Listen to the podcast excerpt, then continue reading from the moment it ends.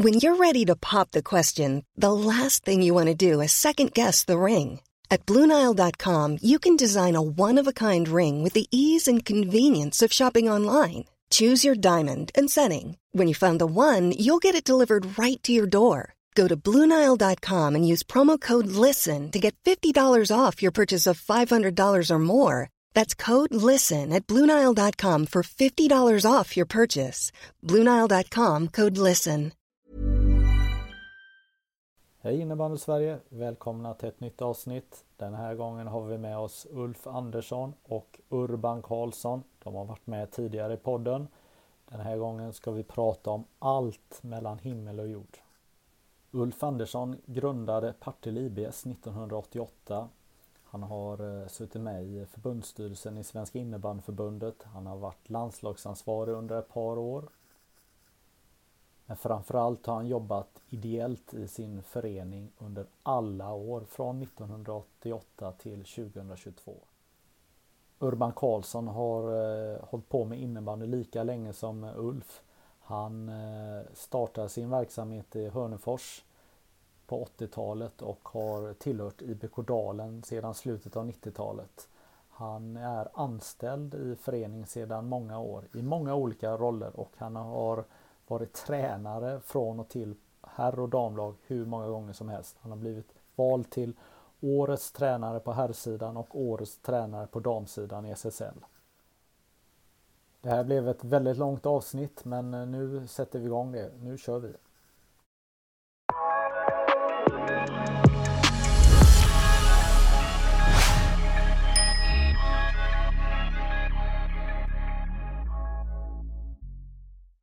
Ja, då kickar vi igång ytterligare ett avsnitt här i den här poddserien. Urban Karlsson och Ulf Andersson. Två riktigt rutinerade killar. Välkomna! Tackar! Alltså jag menar rutinerade som människor och som innebandy... Ja, vad ska man säga? Vad, vad är ni för något? Innebandydårar eller vad? Ja, det är väl en ganska bra beskrivning kanske. Eh, jag ser väl mig själv som någon typ av allt i allo. Eh, I min förening egentligen. Det är väl där jag har haft min eh, grogrund alltid i Partille innebandy då. Sen har jag varit engagerad mycket på andra nivåer men inte de senaste 15 åren. Så att, ser mig som innebandypassionerad. Det är väl samma för mig med, med IBK Dalen också. Att eh, jobba heltid med det som alltid allo för Dalen och försöker utveckla föreningen och göra det så bra vi kan. Mm. Eh, 2016 här så fick ju du Urban eh, Umeås kommuns stipendium för lång och trogen tjänst. Det var för sex år sedan. Grattis! Nu, nu har du grävt djupt. ja. Berätta! Nej, det vet jag inte om det är så mycket att berätta om. Men jag var ju, var ju med och startade innebandysektion i Hörnefors. Startade 87 så att det har ju blivit några år. Så det är väl därför de tyckte att, att jag var värd det. Mm.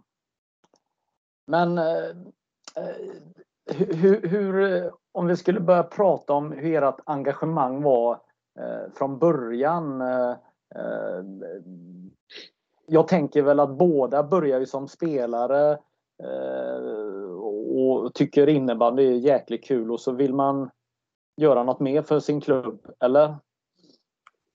Det var ju precis så det var för min del i alla fall. Att man började spela med kompisar innebandy det var roligare och roligare. Vi, vi pratade i Hörnefors om att vi måste ju starta en, eh, en innebandyförening. Då blev det att vi startade en innebandysektion i Hörnefors IF. Och, och då vart, ville man få igång ungdomslag så det är klart man drog igång det också. Så spelade man själv och så satt man i styrelsen och ja, hela det där paketet.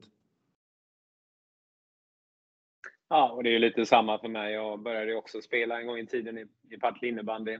Ehm, gjorde den resan ganska snabbt. Insåg att jag eh, hellre brinner för min förening och hade väldigt stora idéer och tankar kring vart vi skulle någonstans. På den tiden så slutade spela när jag var i 25-26 års åldern och engagerade mig helhjärtat egentligen och var föreningsledare man har väl som många andra, jag vet inte om du Urban har gjort det, men har ju dömt innebandy. Man har ju varit på förbundsnivå. Man har ju liksom hållit på lite överallt som ledare, tränare, styrelse och så. Så att det var ju så det, det var ju så det började. Så det var ju passionen som gjorde att man ville ju vara med.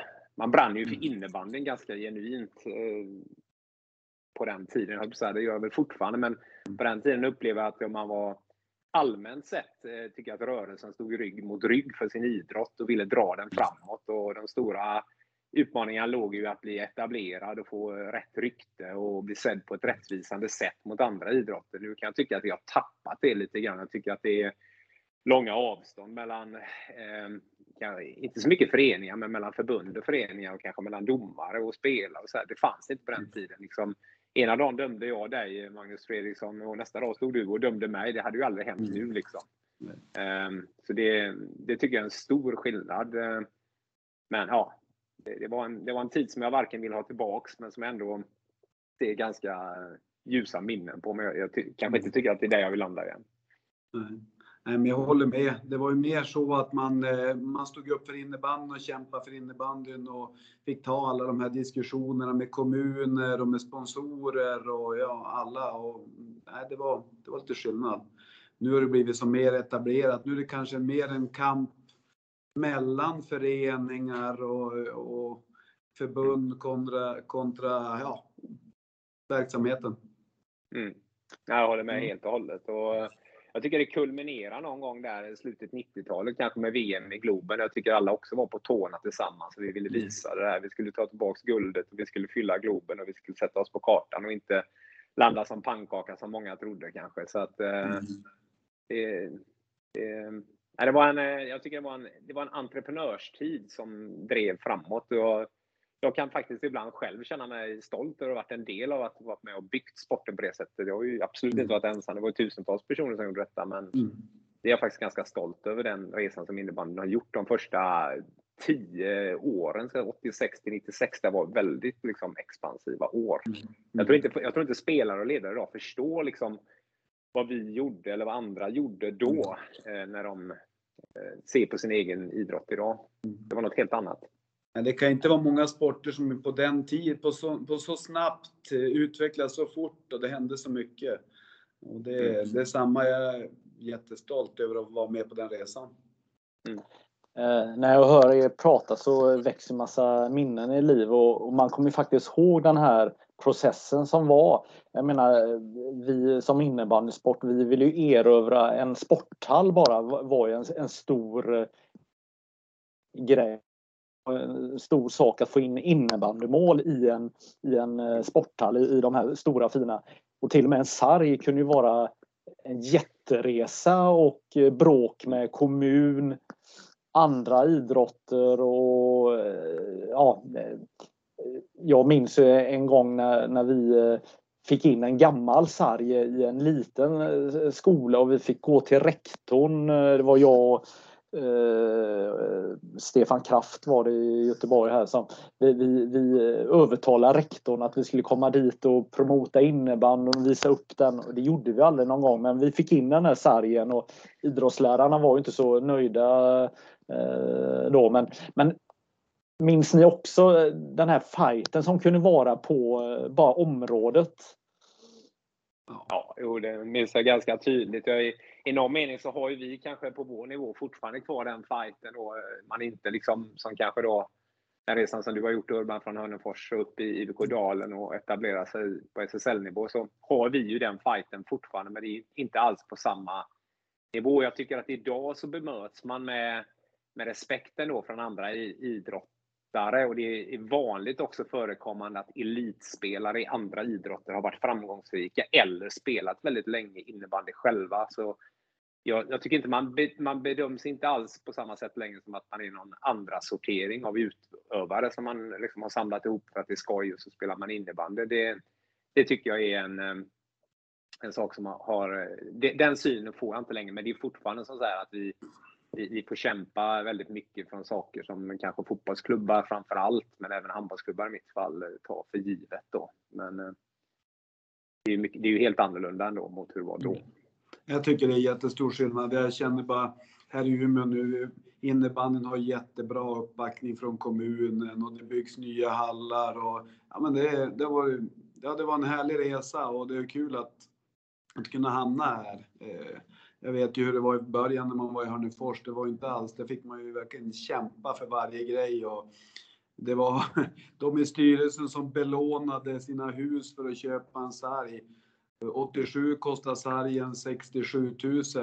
Nu 2022 kostar den 66 000. Så att det är bara att förstå. Alltså det är en galen resa.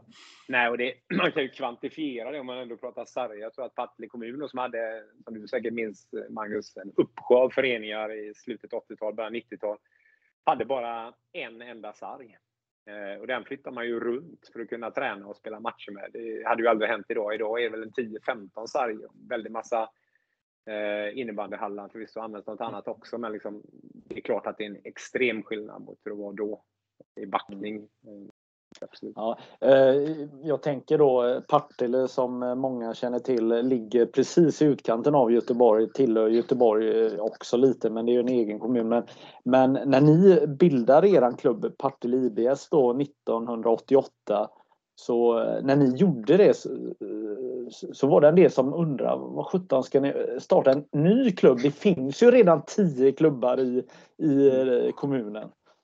Ja. Nej, så var det. Och det fanns dessutom en, utom en, en, en klubb som hette Partille också, som hette Partille IBK och sedermera gick in i fotbollsklubben, eller idrottsföreningen Partille IF då.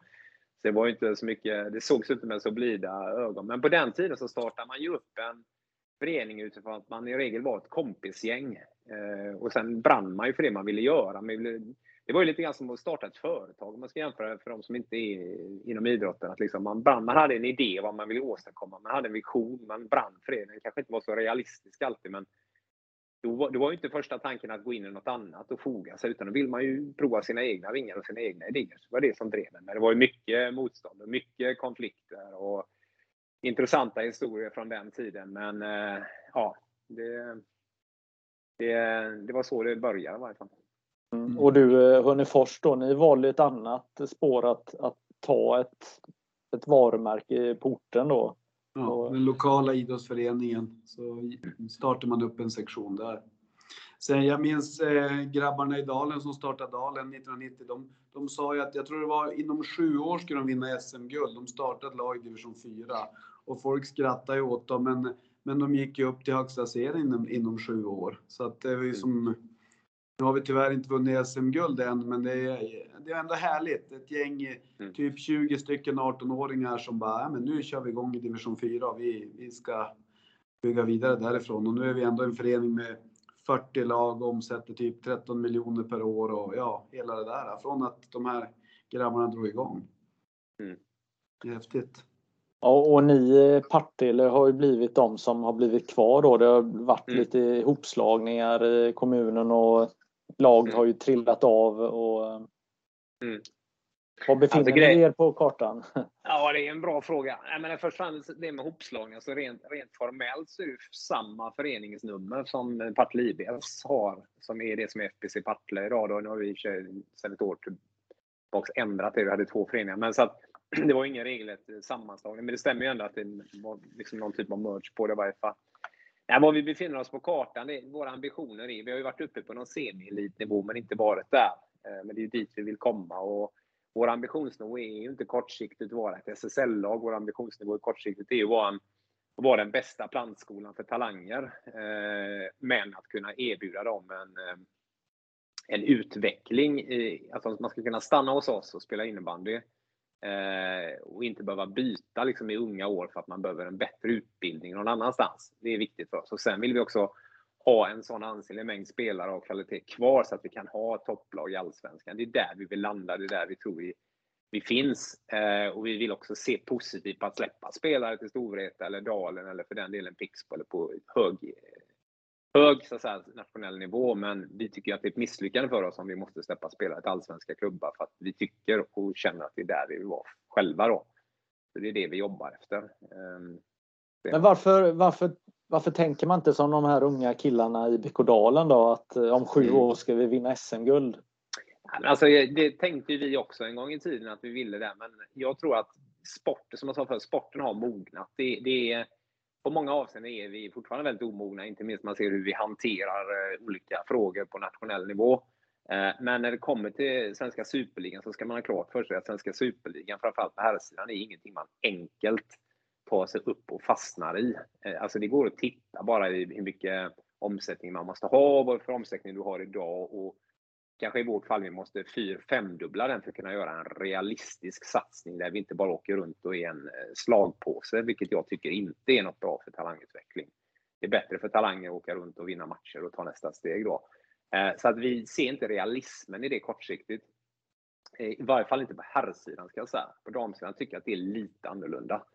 Men det är klart, drömmen fanns ju där. Om du backar bandet och ställer samma fråga till mig 2004 eller 2003 så hade jag ju trott på det.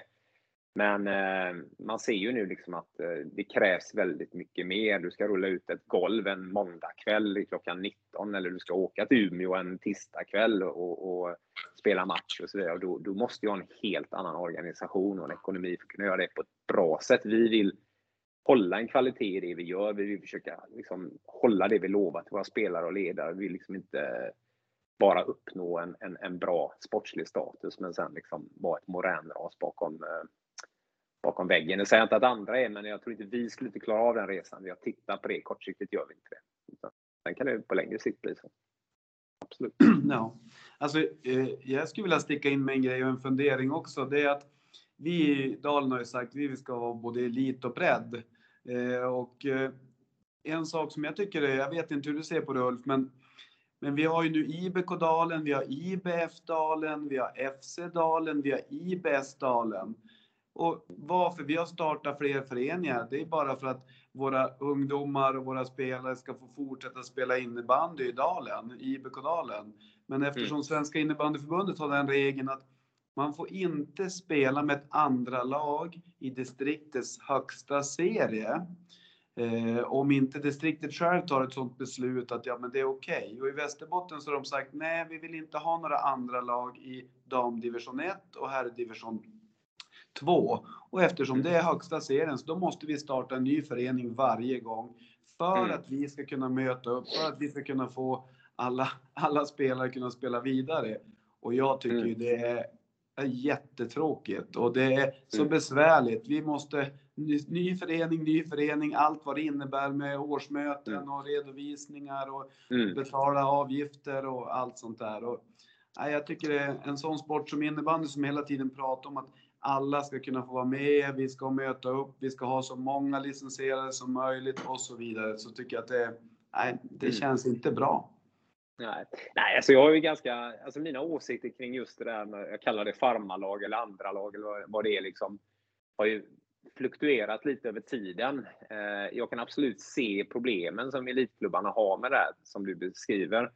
Men jag kan också känna att jag tycker om man backar bandet och ser vad det är man egentligen vill åstadkomma då, så tycker jag det är att man ska ha en elitverksamhet. Jag tycker IBK Dalen ska stå för elitverksamheten och sen så tycker jag att man, och det gäller ju även Pixbo Wallenstam här i Göteborg, de ska stå för elitverksamheten och då tycker jag kanske att att om det finns fler föreningar som sätter sig på sin nivå och är nöjda med sin nivå och gör ett arbete utifrån sin nivå, så blir det kanske enklare också för elitklubbar att ha ett samarbete med dem och känna sig trygg med att låna ut spelare som inte är där än att de får spela där, att det finns dubbellicenser och det finns samarbeten. Det kan jag tycka kanske är dit jag skulle vilja komma. Det ser man ju till exempel om man tittar på hur Frölunda Indiens jobbar med sin hockey i Göteborg. De har ju inga andra lag och tredje lag. De har ju Hanhals som spelar division 1 och i topplag där och aspirerar på allsvenskan för att liksom få avkastning eller Borås Hockey och så där.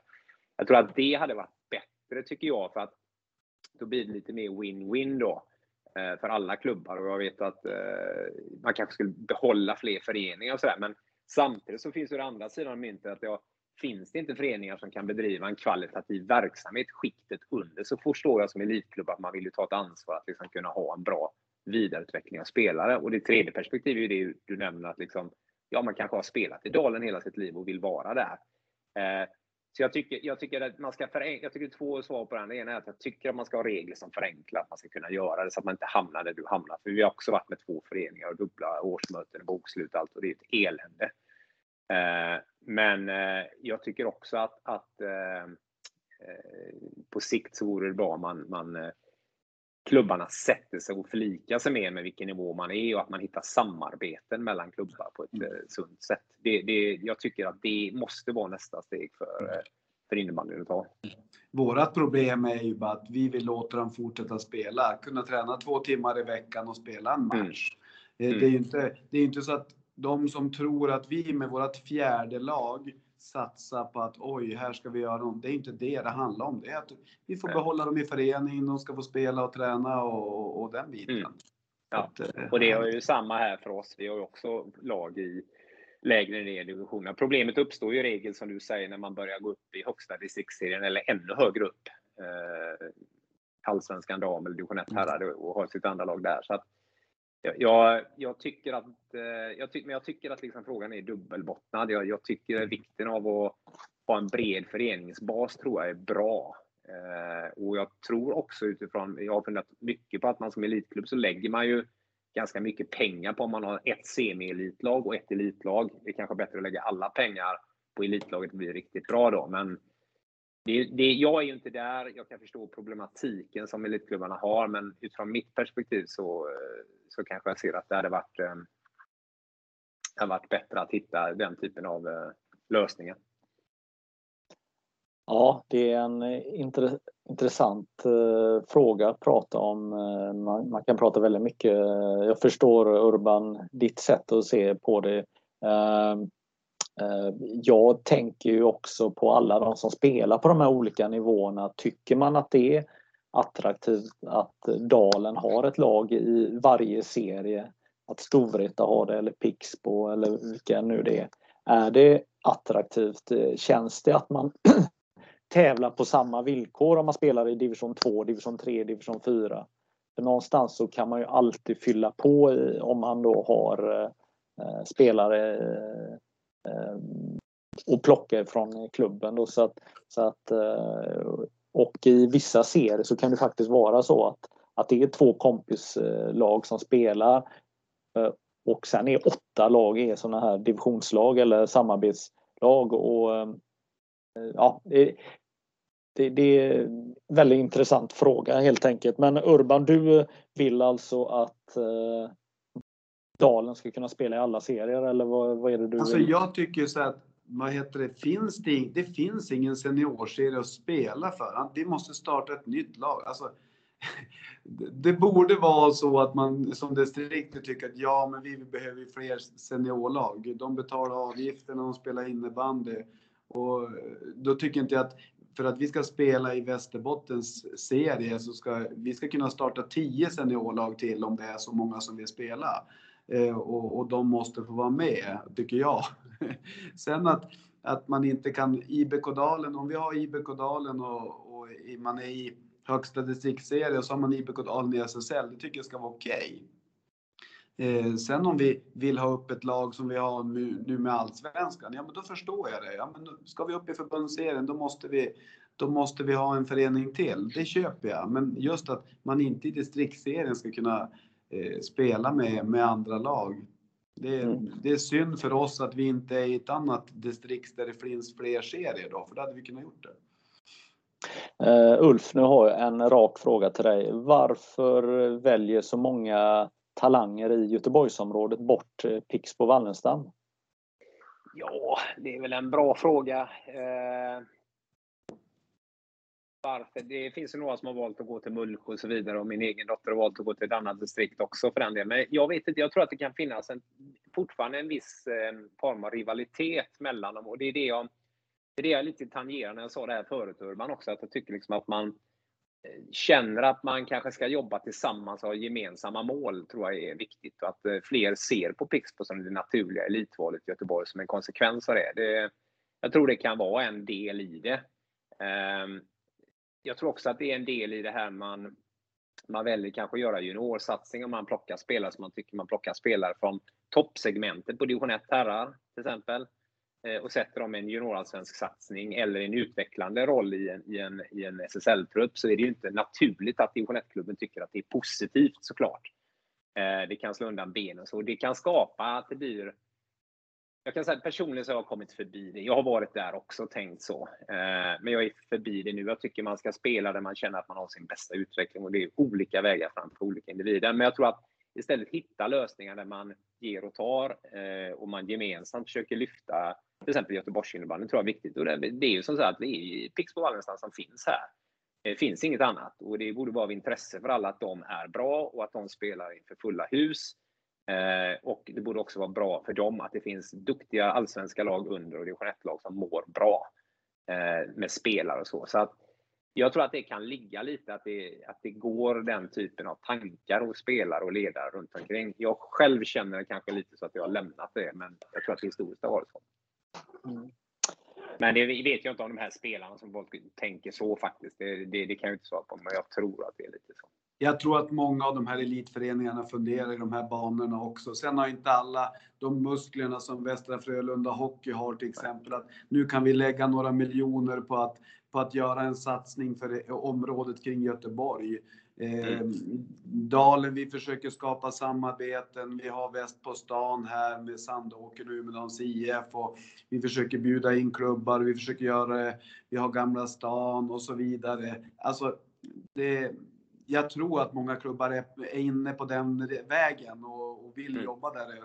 Vi har ju till exempel här i Norrland har vi ju vi har ju knappt något allsvenskt lag på här sidan och det, det är ett problem. Det kommer ju vara jobbigt för, för Torén och Dalen om det inte finns några allsvenska lag i Norrland. Så vi, mm. vi måste ju jobba för det och hjälpas åt med det. Mm. Både från distrikt och klubbar. Jag tänker just det här med rekrytering av spelare så eh, ni eh, genom många år här nu eh, Urban eh, varit väldigt duktiga på att titta över hela landet och även internationellt i Norge, i Schweiz och ja, hela Sverige helt enkelt. Ja, men det gäller ju att jobba, man måste jobba brett och man måste ju försöka, ska vi, ska vi hänga med i, i och gå till slutspel varenda år så då, då gäller det att få ihop laget och det gäller att hitta nya talanger och ut, det gäller att utveckla spelarna. Det, det tycker jag är vår största styrka, det är att vi har varit duktiga på att få spelare som har kommit från division 1 eller allsvenskan eller utomlands ifrån och så lyfter de ett par steg till och blir etablerade bra SHL-spelare. Och en del av dem till och med toppspelare och landslagsspelare. Ja, det som man... Ja, det, det man... Ja, kör du. Jag kör först och så. Eh, hela innebandy-Sverige pratar om eh, IBK Dalen att i år, det här året, nu kommer de få det tufft. För nu har de blivit av med de här spelarna. Och så lyckas ni år efter år efter år. Vad är hemligheten? Jag tror hemligheten är det att vi har, vi har en bra stark verksamhet med kulturen i dalen. Man tränar hårt, vi har bra förutsättningar med om man säger gymmet och hallen och allting. Och alla vet vad det är som gäller när man kör hos oss. Och, och, och, man, och man utvecklas, man blir, man blir bättre och då, då, då kanske vi kanske tappar någon bra spelare, men det är den som står på tur och på väg in, då, då den har, har, alla möjligheter att göra, ta det steget. Ulf, jag eh, stoppade dig där lite. Ja, nej, jag hade en helt annan sak jag tänkte säga. Men jag, jag kan ju kommentera på det du säger om om IBK Dalen. Jag har ju samma reflektion som du Magnus, att man varje år tänker att nu borde det väl ändå bli lite bottendrag på detta Urban, men det blir ju aldrig det, utan det går ju ändå upp på en topplacering. Eh, det är just det som jag tycker är en del av att sporten har stabiliserat sig, att det finns det. SSL-klubbarna är ju extremt starka numera, upplever jag. dem alla, alltså en 8-10 av dem i alla fall är ju extremt starka väl organisation och sin förmåga att liksom eh, jobba på ett sportsligt utvecklande sätt. Så att det, det är väldigt imponerande att se. Det jag ska säga förut om det här, den andra frågan du hade Magnus, är ju att det här med varför spelar inte lika många eh, unga talanger från Göteborgsområdet i Pixbo nu som de gjorde för 15-20 år sedan? Det var ju frågan. En sak som aldrig kommer upp är att det är just på grund av det som Urban säger. För 15-20 år sedan så kunde inte IBK Dalen kanske locka en kille från Skåne och erbjuda jobb och bostad och bra ersättning och sådana saker. Det kan klubbarna göra nu. Eh, det kan Mullsjö göra, det kan eh, Helsingborg göra och så när de då lockar duktiga unga talanger för Göteborgsområdet. Så det behöver ju nödvändigtvis inte vara som så att det är någonting som görs fel lokalt här, utan det har blivit mer som andra idrotter. Talanger i Göteborg hamnar lika gärna i Hammarby i fotboll. Så att, mm. jag tror att det är en naturlig utveckling. Det tycker jag man nästan aldrig hör kring detta, men det tycker jag också är på sätt och vis positivt. Då. Nej, men det är rätt. Det stämmer verkligen. Eh, jag gjorde en krönika för några dagar sedan eller några veckor sedan eh, där jag lite tycker att, att vi pratar för lite om det här med ekonomi och eh, vad som krävs för att befinna sig på varje nivå. Urban, du berättar här nu att ni omsätter, vad sa du, 13 miljoner och ni har var ni sponsorintäkter för en 3 miljoner någonting? Var, eller vad, ja, vad ligger ni? 3-4 är det väl 3-4, ja. ja. 3-4. Men det är men eh, det jobbar vi på hela tiden. Ja. Vi skulle vilja höja det ännu mer. Exakt. Uh, och, och, då ni uh, Partille som befinner er, uh, att ni vill upp i Allsvenskan igen. Ni är ju ganska långt ifrån ja, de siffrorna, ja. eller hur? Ja, men så är det ju. Och det är ju, det är ju därför vi känner också att vi, vårt steg är ju en utmaning att ta ett steg där vi blir topplag i Allsvenskan. Det kommer innebära att vi behöver lägga på kanske en, någonstans mellan 30 och 50 procent i omsättning på föreningen. Eh, och när, liksom, med de siffrorna som jag vet om Dalen, Kalmarsund, Storvreta och så alltså det är inte realistiskt. Och det är precis det jag menar, att, att då sätta upp ett sportsligt mål är att lura sig själv. Så att, eh, eh sen tror jag i och för sig att vi relativt den nivån vi är i en väldigt välmående förening rent ekonomiskt numera. Eh, så att vi, vi jobbar utifrån det och vi har ju en plan för hur vi ska öka vår omsättning successivt. Så vem vet, om 10-15 år kanske vi har kommit dit också. Men det tar tid att jobba upp sådana saker. Det, det, är inte enkelt. Och sen kan jag tycka att inom innebandyn, tror jag rent generellt, så att vi har inga... Det, det, I vissa avseenden så tycker jag att det fortfarande saknas intäktsströmmar på ett sätt som borde finnas eh, marknadsmässigt och publikmässigt och så som kanske är mer givet i andra idrotter. Så det Vad tycker jag är en fråga som...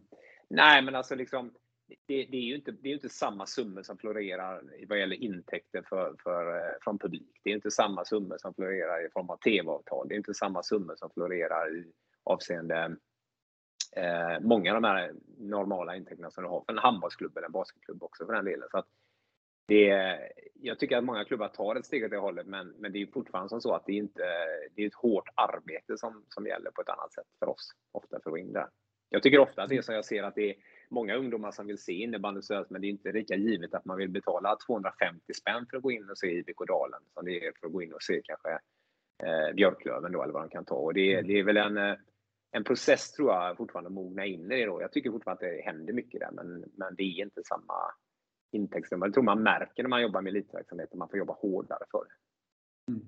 Och vi har ju inte riktigt lyckats, det kan med några få undantag, med som innebär att få allt inneba, alla innebandyintresserade att gå och se matcher på det sättet och är beredd att betala och, och, och stötta de här klubbarna och känna att ja, men det, det är klart jag ska gå och se varenda eh, Partille-match eller Dalen-match mm. eller Storvreta-match. Alltså det, där har vi ju inte riktigt lyckats än och det är ju verkligen någonting mm. att, att, jobba med. Vi, vi har ju pratat mycket om de sista två åren också med vårat spel, att ja, men vi vill spela en mer aggressiv innebandy, mer spel som tilltalar publiken och folket och alla så också. Det, men det, det krävs ju mycket och det, ja, det gäller ju vi har inte lyckats tycker jag innebandyn med, med det som jag tycker vi har. Det finns så mycket innebandyintresse i, mm. i Sverige och i, ja, överlag så vi borde kunna ha mer folk på matcherna. Mm. Jag tror det hänger ihop lite grann med att bygga intresset också och att man syns. Och det vet jag, det har ju du pratat mycket om Magnus också, det är ju massmedia, massmedial exponering. Eh, jag tycker ju på det sättet att innebandy-VM för mig var en succé senast, där man ser, alltså jag kan se alla innebandymatcher, jag kan se det på en rikstäckande kanal jag tycker fortfarande att det är ju det som är ångloket för att hjälpa elitverksamheten att skapa det intresset och få fler att gå och se IBK-dalen är ju att man också får möjlighet att se landslaget primärt, men även elitmatcher på en mm. rikstäckande kanal. För det är så man skapar ett sug efter det. Liksom. Och det, det, det, jag tror att det är det som behöver göras, för då kommer ju det andra efter. Mm. Det gäller, det gäller både att jobba så, men även eh, lokalt också. Mm och hjälpas att dra, dra, dra tåget. Mm. Eh, om, om eh, Urban, om du skulle förklara vilka är era inkomstkällor ni, ni driver um, en turnering, ni har elitmatcher, ni erbjuder sponsorskap. Alltså, vad, vilka delar har ni som, alltså som är, är era är, ben? Ja, det är ju samarbetspartner, sponsorer, det är ju en stor del. Eh, match, hemmamatcherna är ju en, en del. Eh, alla våra andra arrangemang är en del.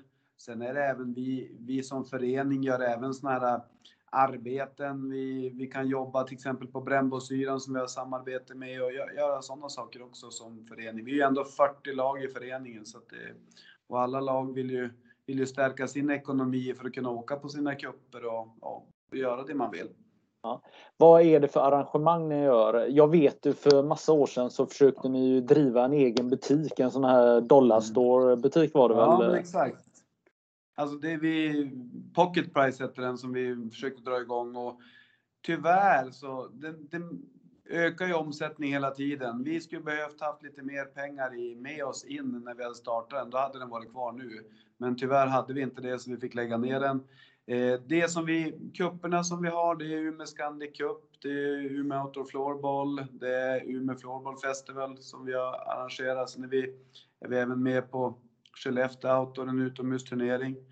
Eh, Sådana saker. Så att, eh, nej, men det, det gäller, gäller att göra saker, hitta flera ben att stå på tycker jag, för de här klubbarna. Eftersom vi inte har lyckats ha 2000 på varje match till exempel och få, få att alla betalar 250 kronor per match. Eh, där är vi inte idag. Nej, vad betalar man för en eh, hemmamatch eh, i SSL?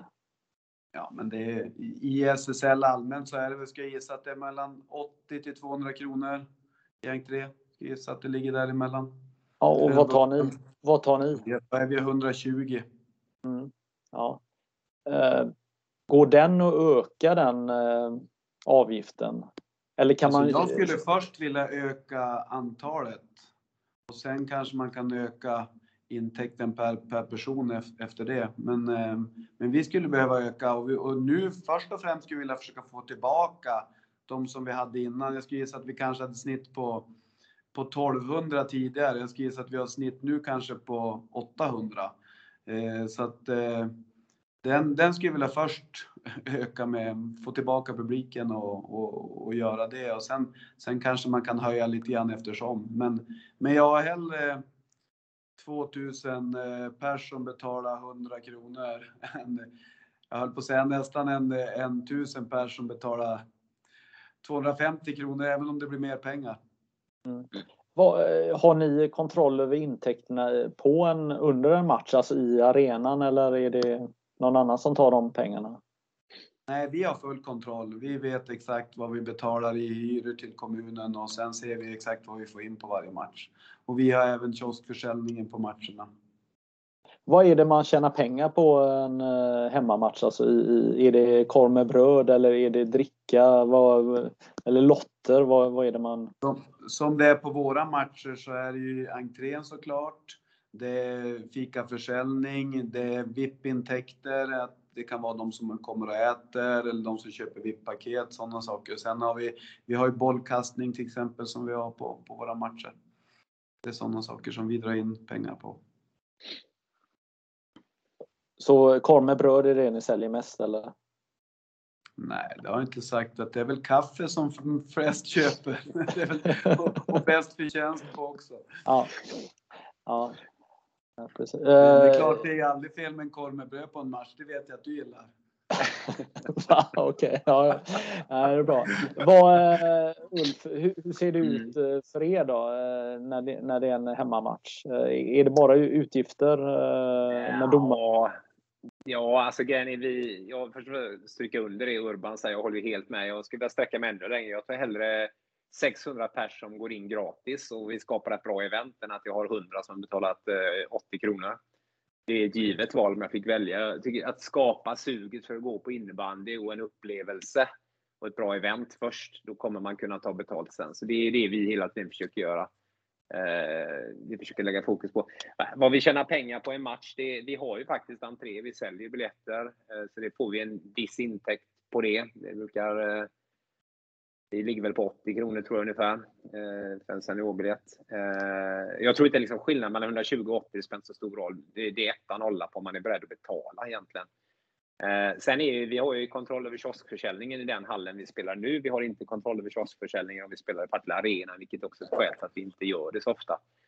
Eh, och sen är det ju indirekt givetvis. Eh, vi har vår klubbkoppsförsäljning i arenan också som gör att vi får in lite på det och det är ett bra sätt för oss att promota de grejerna där ungdomarna är där. Vi försöker lägga oss vinn om att vi får mycket av våra ungdomsspelare som är där. Jag tror det är så man bygger intresset också i föreningen på en dedikation då. Eh, så det är väl egentligen de intäktsströmmarna vi har runt matchen. Det är vi, vi, det går inte minus, men det är, det är inga gigantiska. Vår stora uppsida ligger ju ett kvalspel. Vi hade ett kval mot Alingsås för eh, fem år sedan upp till Allsvenskan som vi misslyckades gå upp på grund av att bröderna Andersson kom in och var stjärnor där. Eh, men eh, då hade vi 1450 åskådare och hade en e-, entréintäkt på över 100 000. Så det är klart, liksom, för oss är ju det en entréintäkt som är i princip mer än hela övriga säsongen. Så att om vi lyckas skapa ett bra kvalspel med våra A-lag här eh, så kommer det ju givetvis ge en väldigt stor intäkt. Men det är ju, det är ju enstaka matcher i vårt fall. Vad, vad är ett bra arrangemang? Alla pratar om att vi vill ha eh, publik till matcherna. Alltså, vad, vad, är det? Är det att ett lag vinner med, hemmalaget vinner med 10-9 eller är det att ett lag är offensivt eller har snygga dräkter eller eh, Eh, raketer eh, till intro? Vad, vad, vad är ett bra... Hur mår publiken bra och vill komma tillbaka? Alltså jag tycker ju, för mig, jag brukar prata event, men jag tycker det är inte bara matchen. Det börjar innan och det är givetvis under matchen och sen efter. Jag vill att man bygger upp ett intresse eh, på sin hemsida eller genom annonsering eller kommer ut i media. Att man sen genomför ett väldigt bra event. Jag, tog, jag var och såg en hockeymatch häromdagen, pratade väldigt mycket om hockey nu tyvärr, men, men att man har ett, en eventstad som är förberedd på att lansera och skapa stjärnor och idoler. Till exempel när Ryan Lash gör sitt hundrade mål i Frölunda Indians. Så tar det en och en halv sekund så sitter den på mediakuben med hans logga och hundratryck. Det är ingenting de har gjort på en och en halv sekund, utan de har förberett alla olika scenarion som händer, att de kan exponera stjärnorna eh, och bygga intresset. Det, det, tycker jag är viktigt på eventet och att man har en eh, och det tycker jag jag ser på de SSL-matcherna jag går på, även toppmatcherna Allsvenskan, att det finns. Jag tycker inte det saknas på något sätt. Men, men det är för mig viktigt att man gör sådana saker och sticker ut. Jag tycker invandrarna faktiskt varit lite mer offensiva än men där är ju fotbollen klapptrötta när det gäller det. Eh, men jag tycker att hockeyn är bra. Jag tycker innebandy också gör det väldigt bra. Men sen det sista också, att man följer upp efter matchen. Eh, på olika sätt efter artiklar och så. så det, det, tycker jag är för mig ett bra event. Och sen är det inramningen och publiken på läktaren som gör det väldigt mycket. Jag menar, jag tycker man ser det under andra idrotter som har, vi har ju en hög kvalitativ, eh, alltså globalt sett i Sverige på våra utövare. Man ser innebandyn i Sverige kontra hur den ser ut i världen. Men fotbollen i Sverige kontra hur den ser ut i världen så är det ju en väldigt skillnad. Men de lyckas ju ändå beroende på att man har en väldigt stort publikt engagemang. Och det, det är därför det är så viktigt tycker jag att få in publiken i arenan och skapa lite klackar och lite sådana grejer snarare än att man får intäkter på det primärt tycker jag. Ehm, så det, det tycker jag är för mig eh, ett bra event. Sen spelet som du pratar om, Urban. jag tycker mer att det handlar om att jag ser fortfarande för många lag eh, på semi-elitnivå som kommer in med lite halvotränade spelare. Det finns ju inte på SSL-nivå längre, men att upplevelsen att jag ska ju vara att vem som helst som håller på med en annan elitidrott ska kunna gå och se på matcherna med sin son eller dotter och tycka att det här är ordentliga atleter eh, som är där nere. Det tycker jag är viktigt också. Snarare än att man spelar offensiv innebandy eller sarg ut. Sådär. Men att det, är, att det är högt tempo, intensitet och det här kan inte vem som helst gå in och hänga med i. Eh, det, det ser jag med glädje på att så är det i SSL.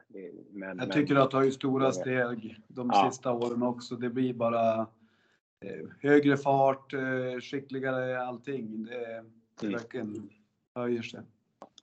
Urban, vad, vad är ett bra arrangemang då? Men alltså det är ju när, eh, när kunden är nöjd. Det är ju, alltså det är så, det är så svårt att svara på exakt vad, vad är det, vad vill jag ha, vad vill någon annan ha? Alltså, jag vill ju att det ska vara från man, drömmen är ju att, att publiken ska komma minst en timme före, kanske äta, kolla uppvärmning, köpa grejer, souvenirer, se matchen. Helst skulle man vilja vara kvar i, i anläggningen efter matchen. Eh, och, och allt, alla de här sakerna, det tycker jag innebandyn har blivit klart bättre på. Det här med att hylla våra stjärnor, hitta det man har. Oj, nu har någon gjort 100 mål, 100 matcher, 1000 poäng, vad det än är. Alltså alla såna här saker. Bygga, bygga eh, stjärnorna, bygga föreningarna. Alltså det, det är ju, det är ju, det är alla de här sakerna. Men jag tycker, jag kan inte säga, jag kan ju säga vad jag själv tycker, men det är svårt att jag ska svara för vad, vad alla tycker om som ett bra event. Eller bra, bra arrangemang. Nej. Jag minns för några år sedan när jag gjorde en reflektion, eh, Lisebergshallen kontra Sparbankshallen i Varberg då, att man som åskådare på en match i Lisebergshallen kunde gå hela vägen utan att någon kontaktade dig. Och, alltså du går hela vägen från bilen in och sätter dig på läktaren utan att någon har kontaktat dig. Medan eh, när jag var på eh, Varbergsmatch Varbergs match då i Sparbankshallen eh, i entrén var det någon som sa hej och sen var det någon som frågade om jag skulle köpa lotter och sen var det någon som frågade om jag skulle köpa souvenirer. Och, alltså det var en det var ett annat eh, engagemang eh, kring, eh, kring de här bitarna. Och eh, ja, men man, man kände ett helt annat typ av driv i engagemanget eh, trots att det var i samma serie. Alltså det, det, det var sådana stora skillnader då. I, nu pratar jag några år tillbaka då när Varberg, när det var ett otroligt engagemang och eh, man, man, kände verkligen att man var på ett eh, arrangemang och man ville ju tillbaka så fort som möjligt. Och den känslan eh, tycker jag att man saknar ibland. Sen, sen, så funderar jag också, jag menar, vi alla har ju varit yngre och eh, varit mer naivare och, och lagt ner en massa krut och jobb på eh, massa saker som kanske inte haft så stor betydelse. Vi ska ha raketer, vi, vi ska ha massa grejer, eh, lullull runt omkring. Då. Men, men det är lätt för oss att säga nu när vi har blivit medelålders allihopa. Men tittar man eh, på ett arrangemang med en eh, 12-årings eh, ögon så, så kanske de vill ha de här eldarna när de springer in. Och, eller eller hur, hur, hur tänker vi? Alltså jag tycker det är ju en del av eventet också, men, men, men jag är nog mer inne på det Urban pratar om också, att liksom göra sånt. Alltså jag tror eldar i all ära, mitt intro är givetvis bra, men just att kunna skapa idolerna och bygga stjärnorna i så fall via mediakub eller någonting tror jag är mycket viktigare faktiskt än eldarna. Ehm, så att man personifierar sig med dem, för då vill man bli som dem, man vill se dem, man vill köpa deras tröja och så vidare. Ehm, så det tror jag är extremt viktigt. Men att ha ett seriöst, alltså jag tror mycket på det, det, man gör i eventet, gör det du kan och gör det bra. Eh, och försök hålla den nivån eh, så att det inte går för mycket upp och ner. Det tror jag är ganska eh, viktigt. Vi, allt från livesändning av matcher till, till, till sådana här saker som du nämner. Nej men eh, jag, jag, jag tänker ju lite att, att det var ju lite naivt och charmigt förr i tiden för då kanske man la allt på det här introt och sen hade ingenting mer. Eh, men ibland saknar man ändå den här formen av eh, där vi är den här naiva och, och, bara vill vara fräcka för sakens skull. Men, men eh, innan jag ska släppa in eh, Urban här så, så, vet jag vilken match du eh, pratar om, den här hockeymatchen. För att när man har sociala medier, och jag var inte på den här matchen i Skandinavium när Frölunda mötte Färjestad häromdagen. Men, men vad som slog mig var ju att eh, jag hade 15 kompisar som var på matchen. En var ju sur eller ledsen efter matchen och det var väl familjen Andersson då. Men, men, men vad, vad, alla gjorde det var att de filmade och la upp bilder från det här introt. Du vet när det är eldar och, och eh, publiken syns och, och de åker in. Det, det, är ingen bild i andra perioden efter fyra minuter när, när, när en hockeyspelare utan alla tar den här bilden för att berätta att man är på ett arrangemang och det gör man vid introt för man vet att det blir häftigt. Ja, nej men det är rätt.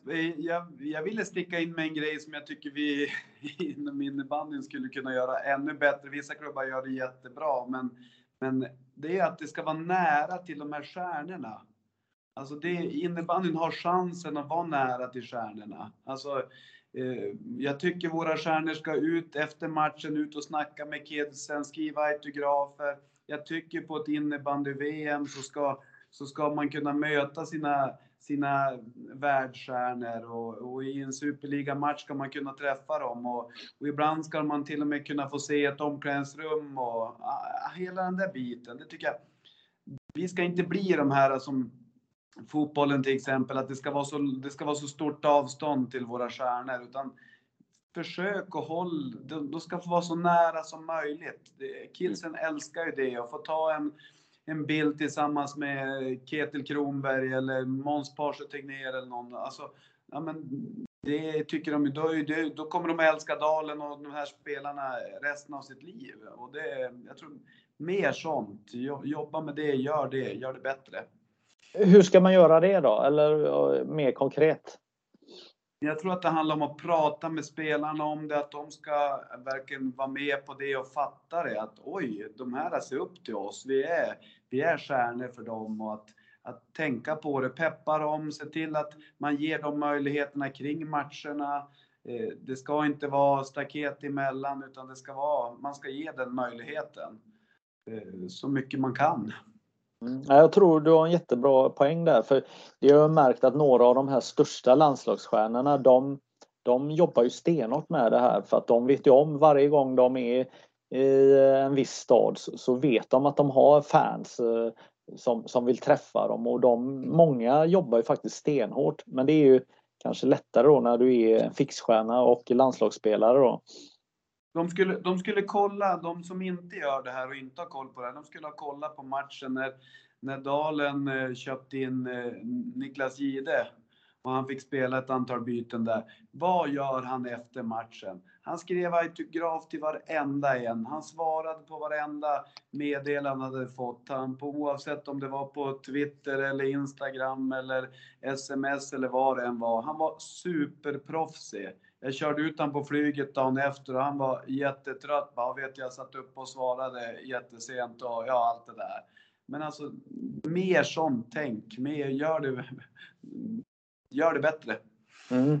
Men det där är ju ett sätt där ni var lite vakna. Ni, ni budade hem en uh, välgörenhets... Uh, uh, med uh, bröderna Gide där va? Ja, Niklas. Vi, vi, vi köpte in han, budade hem han för en match. Ja, väldigt billigt eh, blev det. Ja, och det var inte föreningen som betalade. Det var jag och Christian Hjort som, skojade om det, att vi skulle vara med på budgivningen och, och budade hem han. Men det, det varit en lyckad grej. Ja, eh,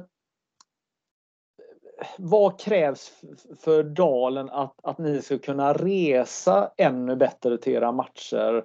Ehm, att, att eh, byta bussen mot flyga, att skapa ännu bättre förutsättningar att, eh, att uh, ja, spela och verka. Att vi kan chartra ett plan varje match så att vi inte måste följa de här flygtiderna som är ganska kassa och få ihop det med tåg och flyg och buss som det är nu. Det är att göra som en, en, några hockeylag verkar göra, att de kan, de kan ha ett plan som står klart och, och sticka iväg och så sen flyga hem direkt efter matchen. Det är väl, det är väl nästa steg att ta, tycker mm. jag. Ja. Och hur är det med träningar eh, för IBK Dalen? Nu tränar ni efter kontorstid eller när ja, tränar ni? Vi, vi tränar kvart över fem de flesta träningarna. Så att, eh, det är klart att eh, om vi kan ge dem, ge dem mer lön så, så kanske de kan gå ner i arbetstid och, och, så kan vi träna mer på dagtid. Ja, men det är ju lika, alltså det är ju jämförelse med de, de sporter som har det så mycket hockey och fotbollslag. Vi är inte där, då måste vi ha in mer än 3-4 miljoner per, per år i sponsringsintäkter. Då måste vi öka på det ordentligt. Mm. Men vi tränar ju lika, i princip lika mycket ändå som, som många fotbollslag och hockeylag gör. Men, eh, men det ligger på, på fritiden efter skolan eller efter jobbet. Vad tänker du Ulf om eh, det här? Ja, Ja, alltså vad tänker jag om detta? Jag eh, håller ju med om att det är nästa steg att ta. Den intressanta frågan är ju i regel inte när man sätter målen, utan det är ju att fundera på strategin man ska ta sig, hur man ska ta sig dit. Eh, och det är väl där jag känner man skulle vilja se kanske mer arbete också. Och jag vet inte vad det, alltid vad som föregår på nationell nivå kanske, men liksom, vad är strategin för innebandy att ta ett sånt här steg då? Nationellt. Jag tänker inte bara IBK Dalen, utan som en idrott då. Ehm, det, det är väl det som jag tycker är den intressanta delen att, att borra lite grann i. Eh, jag kan ju tycka liksom att det borde kunna gå att titta också lite grann på vad andra idrotter gör och så. Jag, jag tycker jag ser rätt många klubbar på elitnivå nu som faktiskt börjar närma sig att man kan göra sådana här saker. Eh, och det, det kommer ju tillbaka till att det är ju inte kostnadsbilden man ska jobba med, det är ju intäktssidan som måste man jobba med. Det, är, det kommer tillbaka till med intäktsströmmarna måste ju bli större för att kunna göra sådana här saker. Eh, så att, eh, ja, jag tycker också att det är nästa steg, men eh, att arbeta med strategin för att ta sig dit. Ehm. Men det kanske handlar om också att vi som innebandyrörelse kanske ska bestämma oss för, ska vi satsa på världens bästa liga? Ska vi backa upp den? Det kan ju mm. vara att det är någon liten klubb i Umeå som tänker att ja, men vi ska gå på två matcher varje år. Vi ska se till att våra medlemmar går för att vi vill stärka innebandyn. Och på det sättet så vi stärker Torén och Dalen i Umeå och går och stöttar dem. Eh, och det stärker vi innebandyn totalt sett. Likaväl som Svenska innebandyförbundet kanske ska fundera över hur hårt ska vi satsa på att få världens bästa liga att bli ännu bättre? Alltså det är ju, det är ju överallt. Alla lär ju fundera på det. Jag tror alltså, vi ska bara hänga upp det på att just klubbarna ska göra allting själv. Utan jag tror att det handlar om hela rörelsen ska ju försöka backa upp det. För i början av 2000-talet så var vi med på hugget. Vi ordnade de här arenamatcherna runt om i landet eh, och eh, eh, när det var de här matcherna så slöt ju alla upp för att precis det som du nämner här Urban, för innebandyns bästa, att, att det är viktigt för eh, att, att, att det spelas en match på eh, Hovet i Stockholm eller i Skandinavium i Göteborg eller vad det nu är, ishallen i, i Karlstad eller vad det nu kan vara någonstans. Det känns som det är borta. Det tänket. Jag tror att en del i det är att vi har fått till mycket nya innebandyarenor runt om i Sverige också det var, det var sämre tidigare. Det, då, när det byggdes en ny en innebandyarena, då var det wow. Nu är det mer att ja, men det finns nästan en innebandyarena som är rätt okej okay i, i de flesta städerna. Det fanns det ju inte den, det årtal som du sa. Jag kommer inte ihåg, 2000 någon gång i början. Ja. Men, eh, men nu spelar det alltså Falun fick sin arena, Växjö har sin, Helsingborg fick en superfin, Uppsala och så vidare, Umeå, alla de här. Det har byggts mycket mer arenor. Ja, att då kanske inte samma fokus på att komma in i en ishall. Det är, det är stor skillnad att gå från en hall som tar 200-300 in till en ishall. Då kan man göra en sån satsning. Men har man en hall som tar 1500-2000 och man har ett snitt på 700, då, då kanske man jobbar mer lokalt i, i den hallen och försöker öka det. Jag tror det är en ganska, ganska stor del av det också. Jag tror inte nödvändigtvis att vi börjar spela i stora hallar gör att vi... Jag tror inte, för mig, mitt perspektiv så är inte det strategin för att nå det vi pratade om förut, kunna chartra ett plan till bortamatcherna, utan vi måste få en jämnhet i produkten, tror jag. Liksom, som du säger, att ha 2000 åskådare på din, i din normala hall i mm. Urban eller Pixbo 1400 eller 1500 eller vad som går in i Wallenstam Arena. Så det, det är dit man vill komma och fundera på. Jag tror också som du säger att det är absolut inte klubbarnas ansvar på elitnivå bara, utan jag tycker också att man borde jobba med produkten utifrån nationella förbundsnivå. Vad, vad vill vi åstadkomma med SSL som en produkt och vår elitverksamhet? Och inte minst vår landslagsverksamhet. Och hur når vi ut med den produkten så att folk ser den? För det är fortfarande som så att väldigt många idrottsintresserade människor som jag känner som inte är innebandymänniskor vet ju, kan ju inte nämna nästan en, en individ inom innebandyrörelsen. Eh, men jag ser inte på basket överhuvudtaget, men jag kan ändå nämna några basketspelare. Så att det, det, jag tror att den är, den är viktig och den hänger ihop med det där med att skapa idoler också eh, för ungdomarna som vi pratade om förut. Men det är framförallt också att få ut produkten så att gemene man ser den och börjar se att detta är någonting faktiskt. Så att, eh, jag tror det är extremt viktigt att komma ut med den bredare. Mm. mm. Men vilket ansvar har vi eh, i Sverige för innebandyn? Jag tänker även internationellt. Vad gör vi det som krävs för att innebandyn ska växa eh, ute i världen också? Är vi alerta som vi var förr att åka utomlands med våra klubbar och, och eh, sprida sporten eller hur, hur, tänker vi?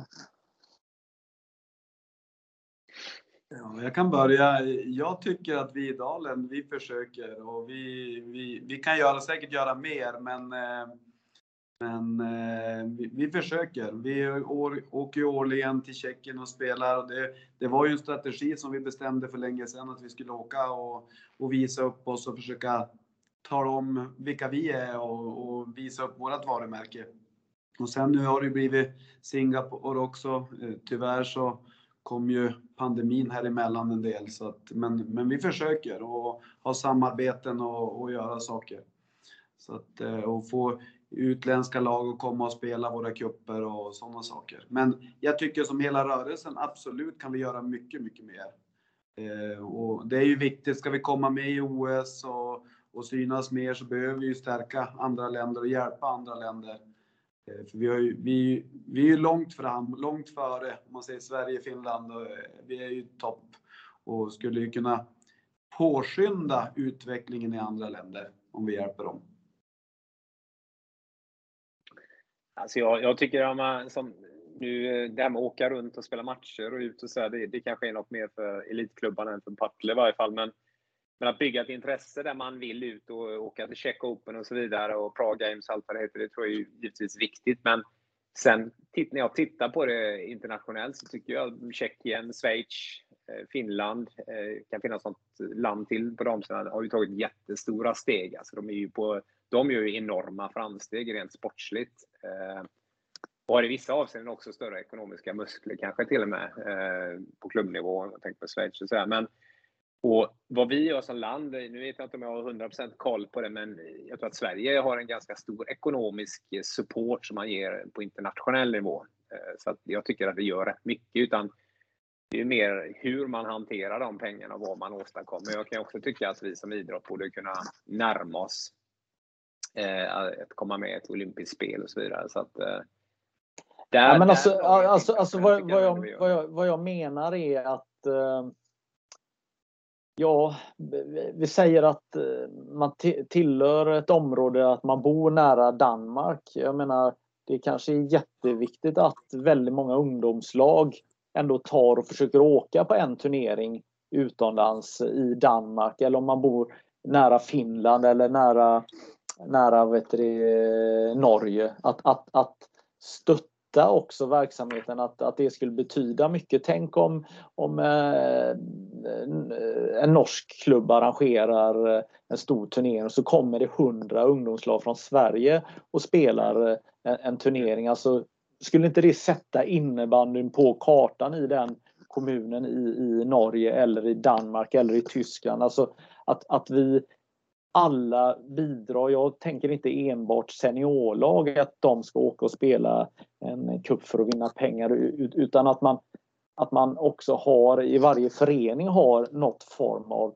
perspektiv framåt. Att ja, men varannat år ska eh, våra ungdomslag åka utomlands, även om det bara är till närmsta land. Att, att man på något sätt hittar sådana tankar också.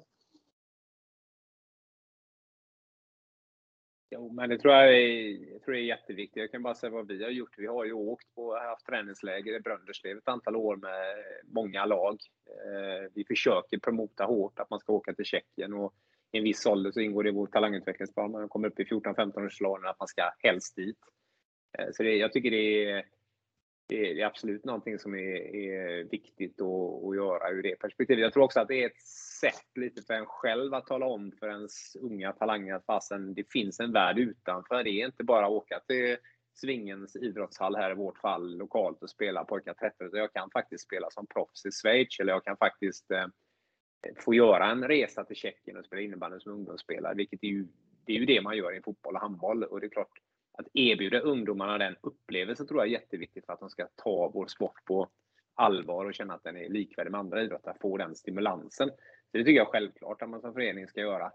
Sen funderar jag lite grann på vad det ger de länderna. Jag kanske är inte lika övertygad om att om 100 ungdomslag kommer till Norge, att vi, det lyfter för dem på grund av det, utan och kanske mer att det öppnar ögonen för oss själva att faktiskt se att sporten är större. För att åker man till är en som spelar nu så och möter tjeckiska ungdomslag så är de ju väldigt duktiga. Eh, och det kanske inte alla vet. Och man får det här perspektivet då. Så jag tycker absolut det är viktigt med det internationella utbytet. Ja, men samtidigt, jag eh, har ju varit i Prag eh, vid många tillfällen. Det har varit eh, Czech Open exempelvis. Och, och bor du i, i centrala delarna av Prag och rör dig under den här veckan som turneringen är så, så ser du innebandy och jag tror det har haft jättestor påverkan för innebandyn i Tjeckien under eh, de här senaste 25 åren. Absolut att eh, helt plötsligt så bara finns det spelare överallt. Precis som det är i Göteborg när det är Gothia Cup i fotboll på sommaren. Att, att det är eh, mm.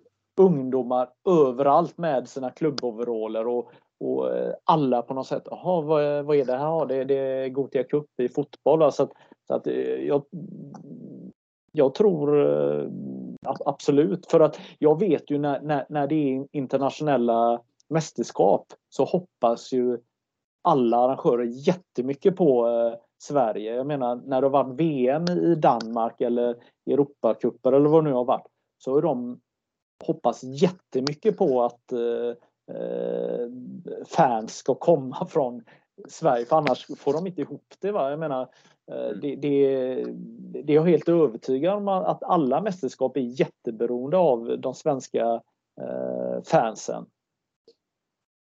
Så är det ju, absolut.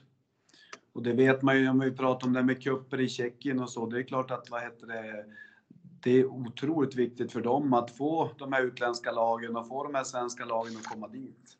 Och det är precis som du säger Magnus, att det, det har ju stärkt innebandyn där, när de ordnar sådana stora arrangemang. Uh, vi byter ämne här. Eh, JAS uh, vet jag att, eller allsvenskan, juniorallsvenskan, i fotbollen så pågår det diskussioner att man vill bromsa de här, i alla fall de yngsta åldrarna för att det, det saboterar mycket. Eh, eh, så då är min fråga, vad tycker ni om eh, det här konceptet vi har nu med juniorallsvenska och jag vill också lägga in det här som också har blivit mer vanligare nu att man värvar in spelare för att bara spela JAS genom att ha dubbellicens. Är det rätt sätt att gå?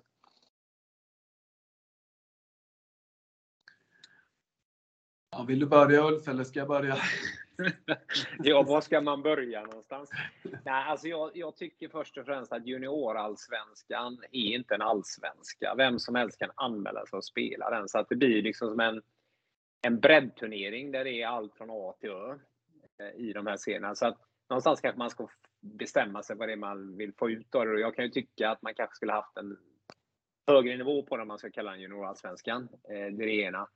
Det andra om det här med, jag tycker absolut inte dubbellicensen ska användas för ett syfte för att toppa juniorsvenskan. Dubbellicensen ska användas tvärtom för en duktig junior som, som spelar kanske juniorallsvenskan med ett division 1 eller allsvenskt lag eh, och är tongivande på den nivån på seniornivå, men som ska få möjlighet att träna och spela på en SSL-nivå. Så tycker jag man använder en dubbellicens på ett bra sätt, inte åt andra hållet att man gör de här juniorsatsningarna. Jag, jag, tycker definitivt att det kan vara kontraproduktivt. Eh, man slår sönder mycket juniorlag på det sättet och, och får en suboptimering i tidig ålder som jag inte tror nödvändigtvis leder. Jag har sett extremt många, jag har nästan funderat på om jag skulle vilja räkna ut det, men jag kan bara gå tillbaka till mina egna lag som varit i innebandyfesten. Att det är väldigt många av de spelarna som inte håller på med innebandy längre, som är 22-23 år varit på juniorlandslagsnivå och, och spelat och tagit SM-medaljer, silver och guld. Ja, guld har vi faktiskt aldrig tagit, men, men, men, silver och brons och så vidare. Eh, och jag tror att man pikar eh, lite fort mentalt med innebandyfesten. Det är väldigt hårt driv för att nå innebandyfesten och den här JAS. Man pratar om JAS som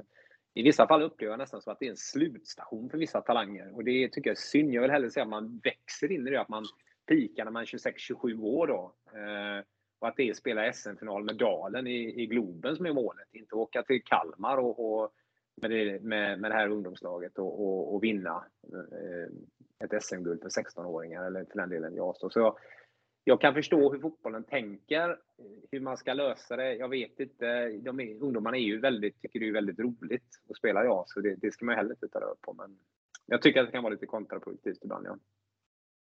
Ja, alltså jag håller med Ulf det här med att det får ju absolut inte vara det tänket att det är en slutstation. Men det känns ju som så för en del. Att mm. det, det är så otroligt viktigt att, att, att, att jaga de här JAS Sen, sen, sen är det ju ett problem att det är så ojämna matcher. Det är ju väldigt mycket ojämna matcher och det, det är ju synd. Men det blir ju att det många lag som värvar ihop, försöker sätta ihop sina lag.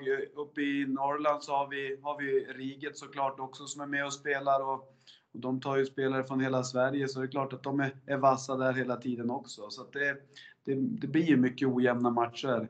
Eh, men, men viktigast är väl att vi får dem att fortsätta spela vidare sen. Det är ju, det är ju, det är ju ansvar för alla klubbarna att se till.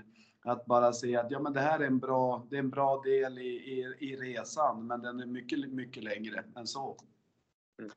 Ja, jag tänker ju också det här spåret att, att det slår sönder många lag för att det här då att man ska värva ihop och så har man helt plötsligt inga lag att möta i närområdet utan eh, genom den här satsningen då som är så, så eh, helt plötsligt eh, från att kanske haft fyra lag i sitt distrikt där man är jämn och så finns det bara ett eller möjligtvis två lag och, och det är ju inte heller utvecklande i det långa loppet om man inte har någon att möta i närområdet utan att man måste åka jättelångt, alltså genom flera distrikt för att kunna få motstånd i en vanlig match. Mm. Precis så är det ju i många fall. Ja, jag tycker problemet är ännu större på damsidan än vad det är på herrsidan. För där, just de åldrarna har vi ju sett ett spelartapp också även innan pandemin. Och det räcker ju att plocka målvakten från ett, duktigt, eh, ett juniorlag till ett annat duktigare juniorlag så, så faller ju nästan korthuset. Så att, eh, det, jag tycker det är, där är det bräckligt att tappa, dukt, eller tappa bredden så att säga eh, på, på tjejerna i junioråldern. Så jag tycker att det är Sen är, sen är det som så att jag, menar, det är klart, liksom, jag kan tycka det finns alltid två sidor. Befinner man sig i en klubb där det är lite hoppis och skuttis kanske, eller det, man inte har ambitionerna alls som förening, eller man har inte kompetenta tränare, och så är det en väldigt duktig talang som vill väldigt mycket med sin idrott. Och, och så lockar Pixbo eller Dalen eller något annat lag som har duktig juniorverksamhet. Och då, då är det liksom ett sätt att få utvecklas vidare. Men ibland kan jag tycka att man saknar den dialogen mellan klubbarna. Vad är, vad är bäst för innebandyn och vad är bäst för spelarna? Utan det blir liksom en jakt på att man vill åstadkomma något då genom att vinna ett ja-skuld. Och det tycker jag är suboptimering. Det är det jag menar. Jag tycker det är bättre att man om det, är vikt, om det är rätt för vissa spelare att ta det steget och göra den juniorsatsningen för att få en utvecklande miljö, då ska man ju absolut göra det.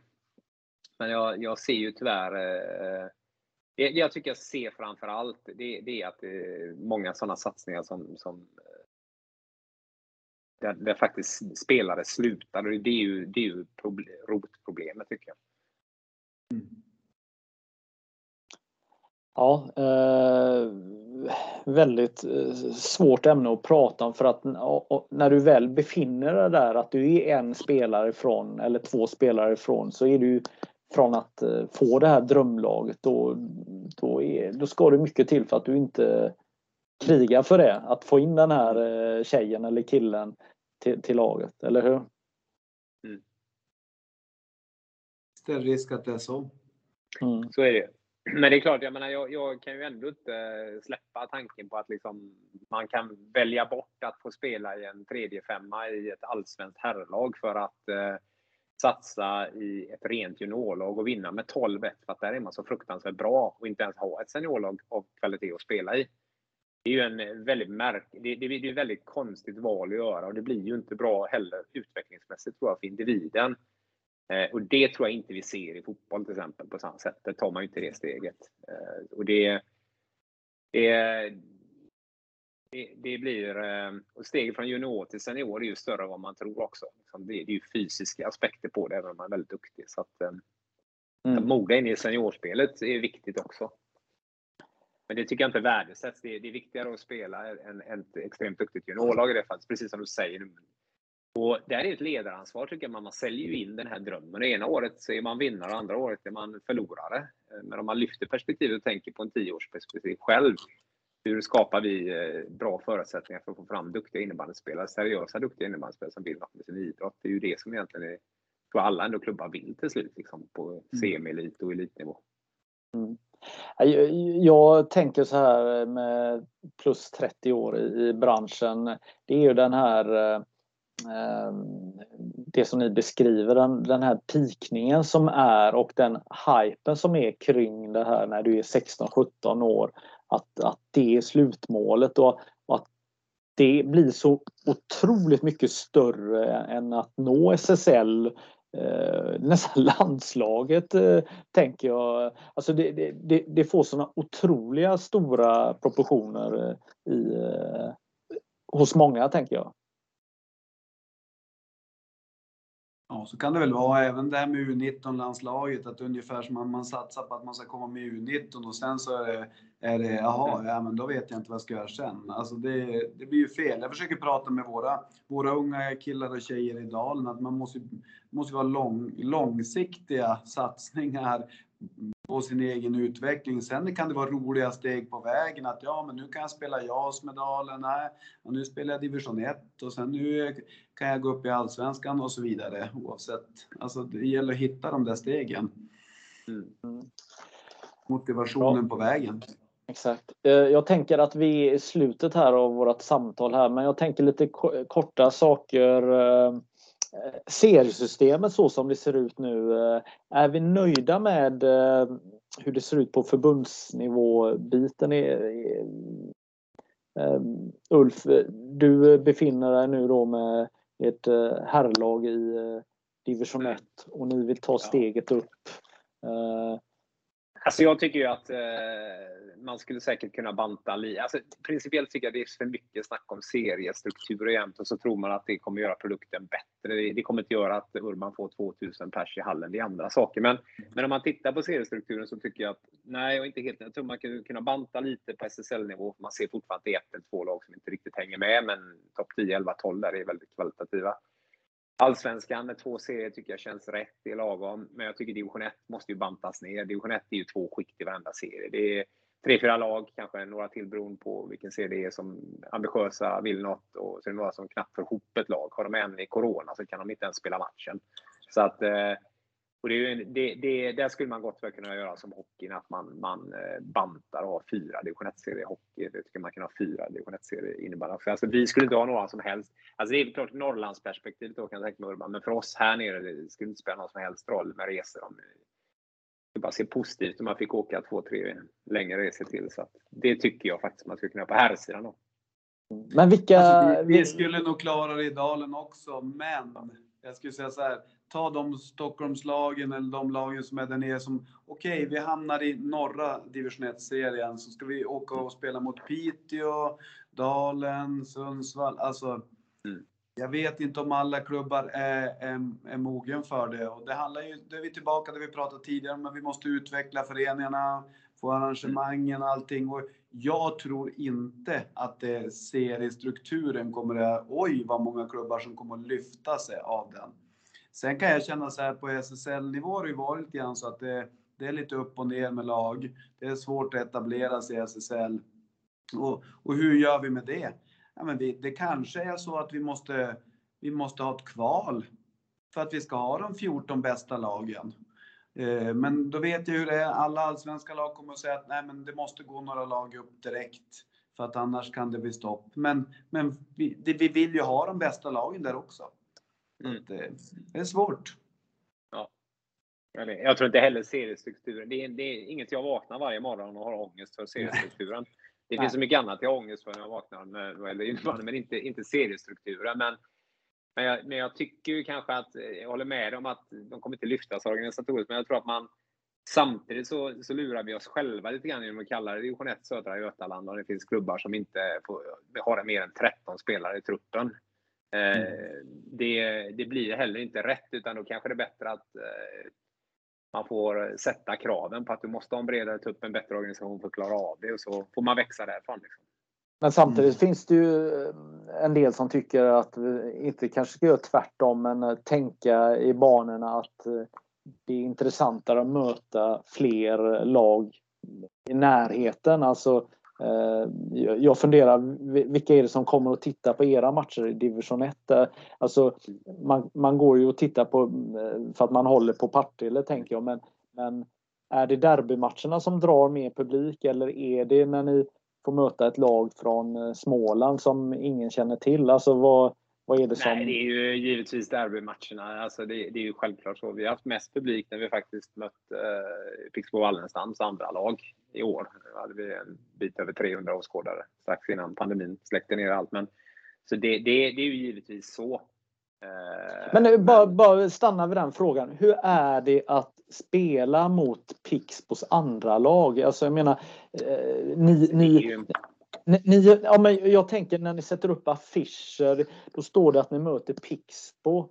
Blir det inte väldigt konstigt när ni vill bedriva en eh, verksamhet som är eh, så, så, kände, så kände man ju initialt för länge sedan när det här började komma. Då kände man att man möter farmarlag och andra lag och sådär och att det kändes fel och dessutom så var det kanske spelare som var invärvade från en själv som andra. Då kändes det konstigt. Jag tycker inte det längre. Jag tycker när jag möter Pixbos eh, andra lag så känner jag tvärtom. Jag, jag får se 15 till 20 utespelare som är ordentligt tränare, som finns i en elitorganisation och som eh, är en, eh, några av dem är extrema talanger. Daniel Karlentun till exempel, bara för att nämna en. Eh, vilket gör att liksom, det är kvalitet på banan. Eh, och det är roligt att se att de numera hanterar det som ett, ett talangutvecklingslag och inte pimpar upp det till matcherna utan de faktiskt håller den truppen de har. Så jag ser, det blir inte så stort problem eh, för mig faktiskt. Eh, men det var ju så i början, eh, att man kunde tycka så, som men jag känner inte så längre. Ehm, utan det är mer ett ansvar för oss att vi måste lyfta oss och ta oss ur den nivån och komma upp till Allsvenskan där vi kanske vill vara och utmana lite högre upp då och vara ett naturligt mellanval mellan Pixbos SSL-lag och deras egna division 1-lag. Så det, det ansvaret har vi själva, det kan vi inte lägga på någon annan. Eh, Urban, du eh, sa tidigare här när jag ställde en fråga att vi har så mycket finare arenor och eh, det har utvecklats. Hur, hur, tänker vi kring hur allt ska slutföras en säsong? Jag tänker på SM-finalen som är i Stockholm, som är i Globen eller Tele2 Arena eller vad den nu spel, kommer spelas i framtiden. Är det rätt väg att gå eller är det så att vi inte kommer hamna i Torvalla sporthall och sånt här eh, någon mer gång eh, med en SM-final. Alltså vad, vad, ska vi göra? Ska vi spela bäst av sju? Ska vi köra en superfinal? Vad är bäst för vår idrott? Det är svårt att säga. Frågar du SSL-klubbarna så ska jag gissa att de flesta säger bäst av sju. Det kan jag ge mest intäkter till klubbarna som får sina hemmamatcher. Man kanske får tre hemmamatcher och kan de ha chans att vinna ett SM-guld på hemmaplan. Och vi skulle kunna spela i Umeå Energi Arena eller, eller ishallen eh, och, och ha 2-7 på, på en SM-final och dra in jättefina pengar. Så det är klart att det lockar ju för många av SSL-klubbarna att göra det. Sen är det ju alltid trevligt med med, med Globen och utsålt där och en, en innebandyfest på det viset. Men ja, det är svårt, svårt att säga vad som är bäst för innebandy totalt sett tycker jag. Jag tycker, jag tycker, jag håller med vad du säger. Men jag ska vända på det så här liksom. Eh, tror vi att vi kan få Sveriges Television att sända sju stycken SM-finaler för herrinnebandy och de spelas lokalt och klubbarna tjänar pengar på det så är det klart att föredra. Jag tror kanske inte vi är där. Jag tror den där innebandyfesten vi skapar med en dam-SM-final och en herr-SM-final som vi har just nu skapar väldigt stor publicitet eh, och vi kommer ut brett där. Så men, men lyckas man få den grejen att, att alla de matcherna blir sända och vi kommer ut med det, då skulle jag kanske nästan föredra det också. Men äh, jag tycker det är en svår fråga egentligen. Det hänger ihop med vad man får för exponering där. Ja, för jag idag... tror att det är ganska, ganska bra chans att man skulle kunna få igenom det Mm. Eh, sen 14 finaler, jag vet inte, men, eh, men, men ganska många skulle man nog kunna få bra sändning på. Mm. Ja, jag tänker ju att eh, många sändningsrättigheter har ju försvunnit från Sveriges Television i många idrotter så att det är väl inte helt omöjligt att man kan få matcher tv-sända. Sen, sen tänker jag också att förbundet, Svenska innebandyförbundet, har ju inte så mycket andra arrangemang att, och sälja in och då är ju SM-finalen något väldigt fint och bra som, som, som är deras väska som de kan eh, samla allt kring eh, där. Så fram tills att elitinnebandyn, eh, e-, eran elitförening, eh, innan de hittar de här intäkterna Eh, så kanske det är svårt att rubba den här drömfinalen med eh, en eh, innebandydag i Stockholm, eller? Alltså jag, jag, jag, tycker att det, innan man det är ju en, nästan den bästa produkten vi har ändå, SM-finaldagen. Innan man slaktar den så bör man kanske ha en plan för hur man i så fall då ska sjösätta det andra så att det blir bättre då. Kan man presentera det på ett vettigt sätt så är jag ju definitivt för att man provar det. Men just nu så är det ju faktiskt det som kommer ut ordentligt. Ehm. Mm. Ja, för det är ju nästan exakt eh, 20 år sedan vi hade första finalen. Den hade vi 2002 då i, eh, på Hovet. Eh, eh, när eh, Pixbo och Balrog spelar herrfinal då, och ska se vad hade vi för damer här? Det måste väl ha Balrog mot, kan det ha varit Övik? Eh, eller Södertälje, ja. Det kommer jag inte ihåg här i huvudet här men... Det, det är okej. Okay. Ja, det är okej. Okay. Ja. Nej, men vad, vad, hur, hur, eh, hur ser vi på de här 20 åren och de här finalerna? Har, har det varit bra för innebandyn att haft de här 20 finalerna nu? Eller 20 åren med, finaler i, i Stockholm. Det har varit i Malmö också några gånger. Alltså jag tycker det har varit jättebra eh, med konceptet som jag sagt förut. Jag, en sak som vi inte pratat om det är också förankringen i Stockholm. Man ska ha klart för sig att liksom rikstäckande media är i Stockholm och när vi är där vi är så är det inte lika lätt att få dem att åka ut någon annanstans. Att ha finalerna i Stockholm så Göteborg är tycker jag känns naturligt ur det perspektivet. Eh, men jag tycker, det, jag tycker det har varit bra. Det är ju någonting som man faktiskt planerar in och ser. Eh, så jag tycker absolut det är bra. Ja, jag håller med, så är det. Men självklart så borde vi fundera över hur, hur skulle det vara om vi skulle ändra till bäst av sju och vad, mm. vad kan man få till? Och det är klart att eh, någon, någon ska sitta där och planera och fundera och, och värdera det i alla fall. Det tycker jag. Mm. Mm. Precis. Ja, men vad bra! Eh, vi, det har spretat ganska mycket i våra ämnen här men eh, det, ja, jag tycker att vi har kommit fram till en hel del bra saker. Eller inte kommit fram, men vi har diskuterat en hel del spännande ämnen tycker jag. Vad, eh, Ulf, jag, du sa att du vaknar och mår dåligt när du tänker på innebandy ibland på morgonen. Vad, vad är det du tänker på då?